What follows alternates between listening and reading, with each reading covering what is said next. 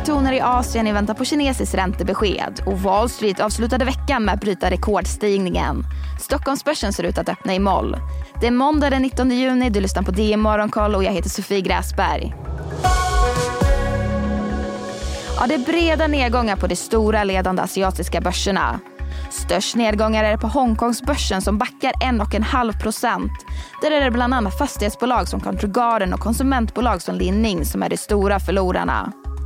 Även Nikkei som rör sig kring högsta nivåer på 33 år tappar över 1 procent. Där är det bland annat biltillverkaren Toyota som backar. Men marknaden väntar spänt på det kinesiska räntebeskedet som väntas imorgon tisdag. Låneräntan väntas sänka både på ett och fem års sikt. Och USAs utrikesminister Antony Blinken är på plats i Kina för att stärka ländernas relationer. Det är första besöket av en amerikansk utrikesminister på fem år. Den japanska yenen tappar mot amerikanska dollarn som stiger ytterligare. Och på tal om valutor, Japan välkomnar USAs beslut att ta bort landet från dess övervakningslista för eventuell valutamanipulation.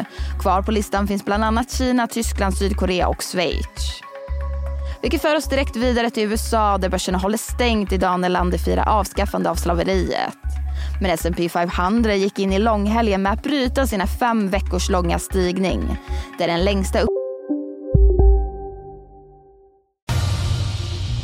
Expressen gör varje vecka podden Politikrummet där vi djupdyker i det senaste och viktigaste inom svensk politik. Med mig, Filippa Rogvall, som programledare tillsammans med mina vassa kollegor. Och det är ju ni som heter Thomas Nordenskjöld, Anette Holmqvist och Viktor Bartkron. Politikrummet kommer med ett nytt avsnitt varje tisdag. Vi hörs.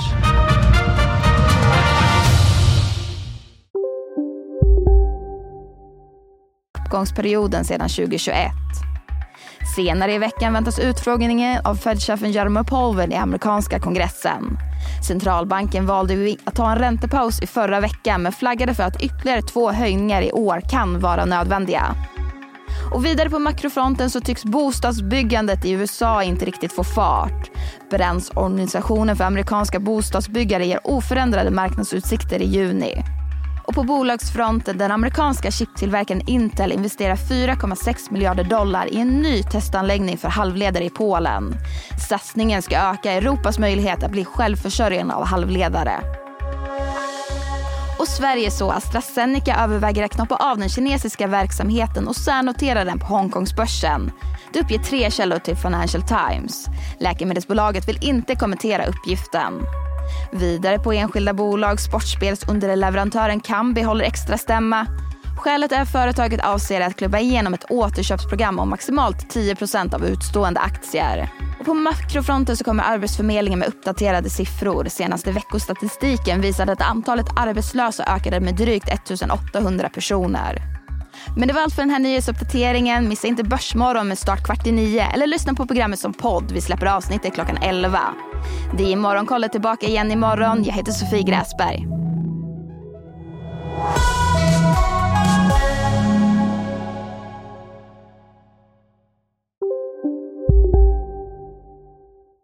Vi är specialister på det vi gör, precis som du.